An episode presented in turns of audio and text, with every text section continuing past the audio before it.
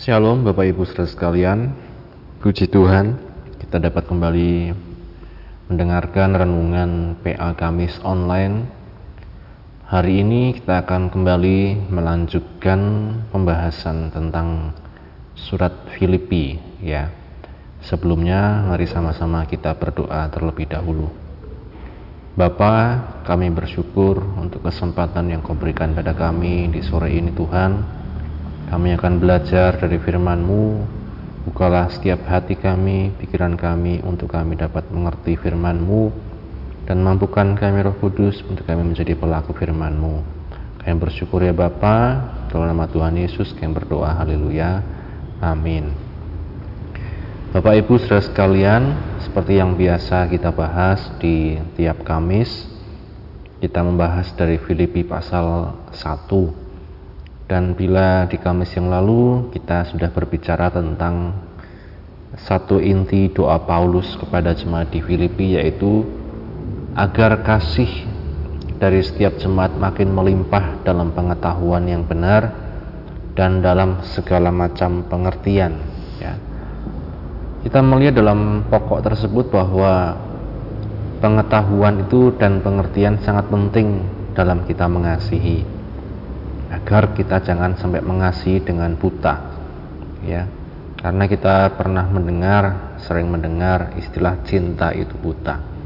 Demikian juga miliki pengetahuan yang benar saat kita mengasihi saat kita memberikan kasih memberikan uh, satu bantuan satu dukungan ya satu rasa kepada orang lain ya. Jangan sampai karena kasih yang buta dan saat ini Bapak Ibu saudara sekalian kita melanjutkan pembahasan kita dari pokok yang kedua dari doa Paulus di Filipi pasal 1 ayat 10. Filipi pasal 1 ayat 10 sehingga kamu dapat memilih apa yang baik supaya kamu suci dan tak bercacat menjelang hari Kristus ya.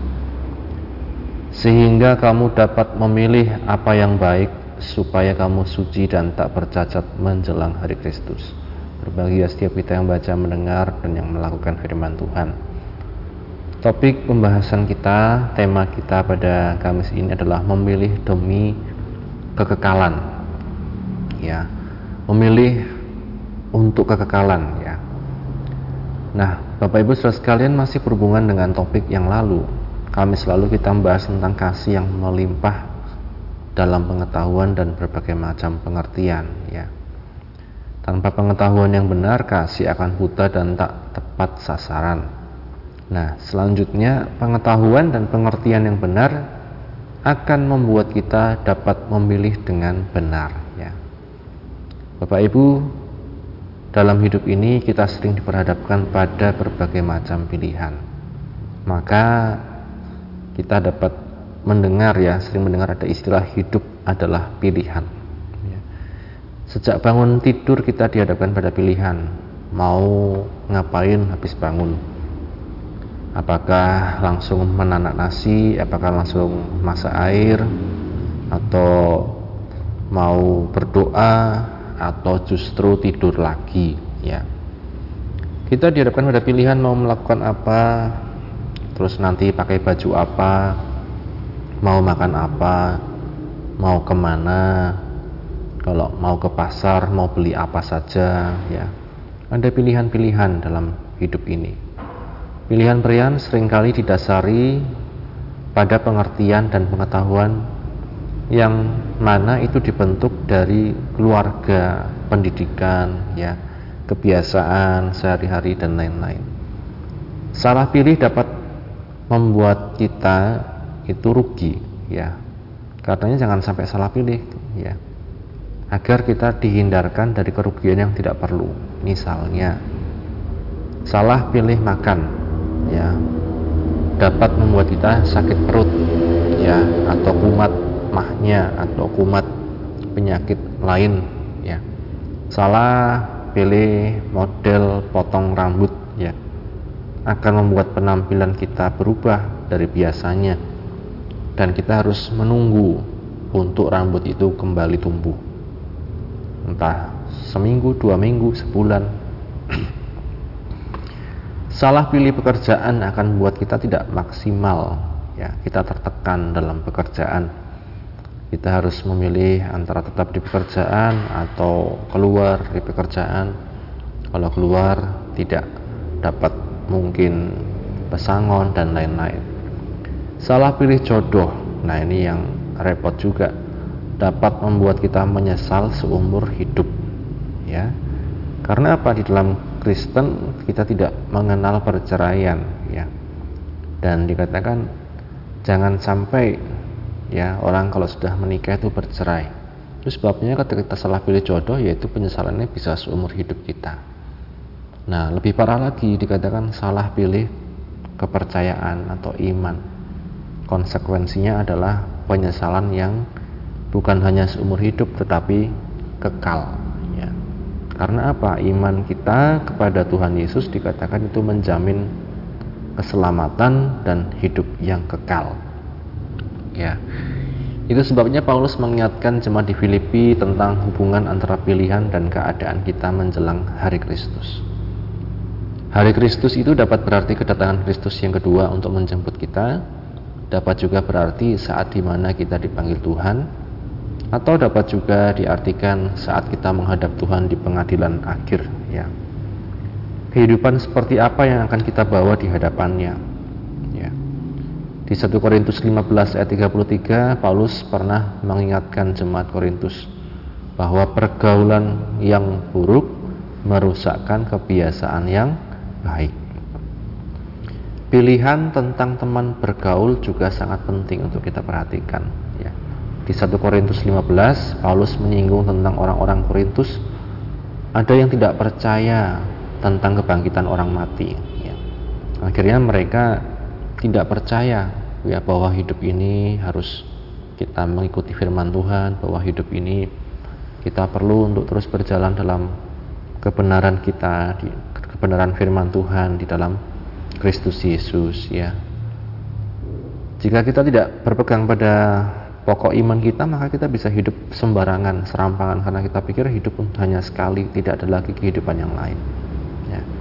karena perlu dasar pilihan yang tepat yang benar. Seperti Paulus katakan di Filipi pasal yang ketiga ya.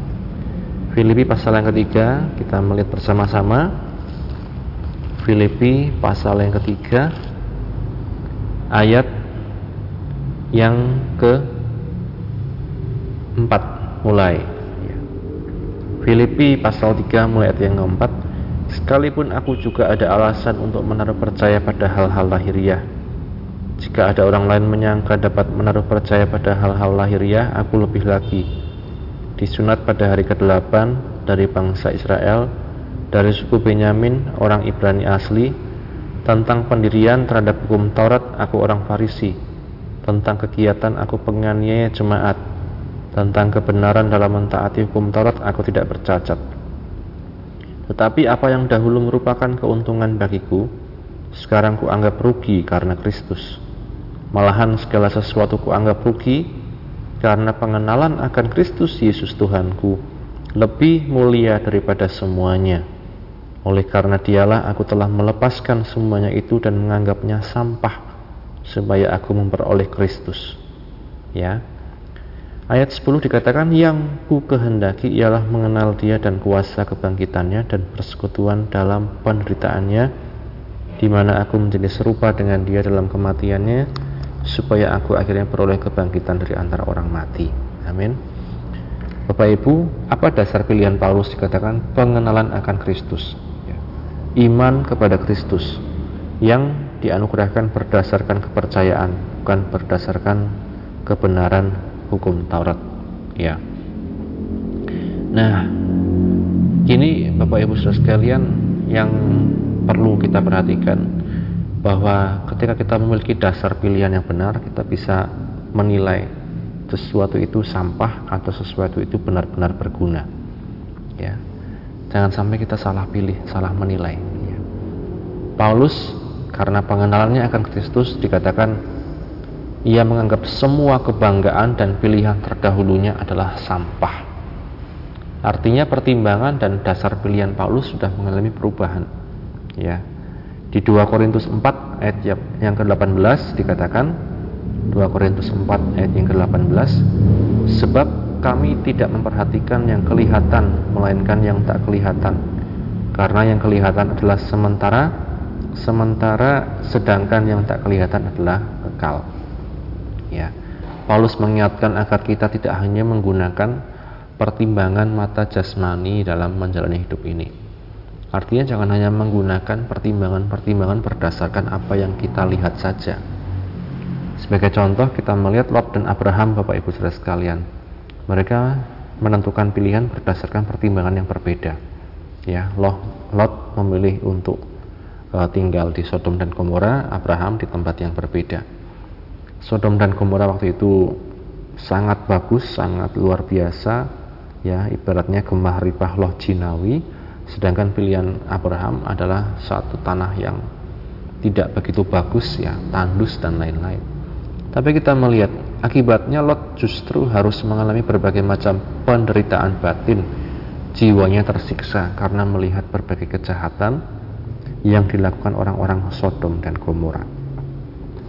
Lot pun harus mengungsi terpaksa dari Sodom dan Gomora sebelum kota itu dihancurkan, di bumi hanguskan dengan belerang dan api ia juga harus kehilangan istri yang berubah menjadi tiang garam dan lagi ia menjadi korban ya dari keinginan anak-anaknya sendiri ya nah kita bersyukur ya bersyukurnya di 2 Petrus 2 ayat 7 sampai 8 firman Tuhan katakan tetapi ia menyelamatkan Lot orang yang benar yang terus menerus menderita oleh cara hidup orang-orang yang tak mengenal hukum dan yang hanya mengikuti hawa nafsu mereka saja.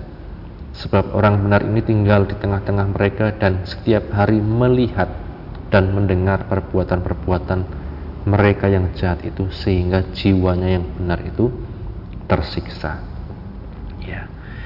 Bapak Ibu Saudara sekalian, apa pun yang terjadi dalam kehidupan kita seperti Lot ini dikatakan jangan sampai kita kehilangan jiwa yang benar ya. meskipun tersiksa dikatakan karena apa pilihan ia melihat Sodom dan Gomora itu tanah yang baik subur untuk ditanami dan lain-lain. Tapi pada akhirnya ia juga melihat dan mendengar perbuatan-perbuatan mereka yang jahat hari demi hari terus menerus menderita ya. Jadi Bapak Ibu Saudara sekalian pilihan itu mengandung konsekuensi ada konsekuensinya ada akibatnya. Bukan hanya di dunia ini saja namun sampai kekekalan bagaimana dengan kita? Ya firman Tuhan mengajarkan untuk kita memilih dengan mata iman. Jangan mudah tergoda jangan mudah menuruti nafsu dengan apa yang kelihatan saja. Jadikan firman Tuhan sebagai patokan dalam kita menjatuhkan pilihan-pilihan dalam hidup ini. Kita baca sekali lagi Filipi 1 ayat 10 sehingga kamu dapat memilih apa yang baik supaya kamu suci dan tak bercacat menjelang hari Kristus. Inilah kerinduan Tuhan dalam kehidupan kita agar kita menjadi mempelai-mempelainya yang suci dan tak bercacat saat kita harus berhadapan dengan Kristus Yesus. Amin firman Tuhan, mari sama-sama kita berdoa. Bapak kami bersyukur untuk firman-Mu yang telah kami baca, kami dengarkan, kami renungkan. Tanamkan ya Tuhan setiap firman-Mu ini dalam hati dan pikiran kami. Dan biarlah kehidupan kami Tuhan, terus Tuhan dapat mengikut Engkau Tuhan setiap hari Tuhan. Menjadikan Engkau Tuhan sebagai pemimpin dalam hidup kami. Menjadikan firman Tuhan sebagai penuntun dalam hidup kami. Dan biarlah kehidupan kami hari demi hari Tuhan Selalu Engkau jagai Tuhan hati dan pikiran kami, agar kami dapat membuat pilihan-pilihan yang tepat Tuhan. Makasih Bapa, Roh Kudus, mampukan kami untuk melakukan firman-Mu, untuk kami terus hidup sesuai dengan kehendak Bapa. Tolong kami ya Tuhan dalam menjalani hidup ini, karena banyak tantangan, banyak pilihan, banyak hal-hal Tuhan yang sering kali dapat membuat kami salah jalan. Terima kasih Bapak, Berkati setiap anak-anakmu yang sudah mendengar firman-Mu, memberikan kekuatan dalam kehidupan kami semua Tuhan untuk menjalani hari-hari kami. Setiap yang sakit disembuhkan, setiap yang lemah dikuatkan, setiap yang susah dihiburkan ya Tuhan. Terima kasih Bapak, terima kasih. Mereka juga yang mencari pekerjaan, Engkau berikan pekerjaan yang tepat Tuhan. Mereka Tuhan yang belum mendapat jodoh Tuhan, Engkau pertemukan dengan orang-orang yang tepat Tuhan. Terima kasih Bapak, terima kasih. Kami bersyukur ya Bapak untuk penyertaan-Mu dalam renungan PA ini. Dalam nama Tuhan Yesus, kami sudah pernah mengucap syukur. Haleluya. Amin. Puji Tuhan, Bapak Ibu saudara sekalian, Tuhan memberkati. Amin.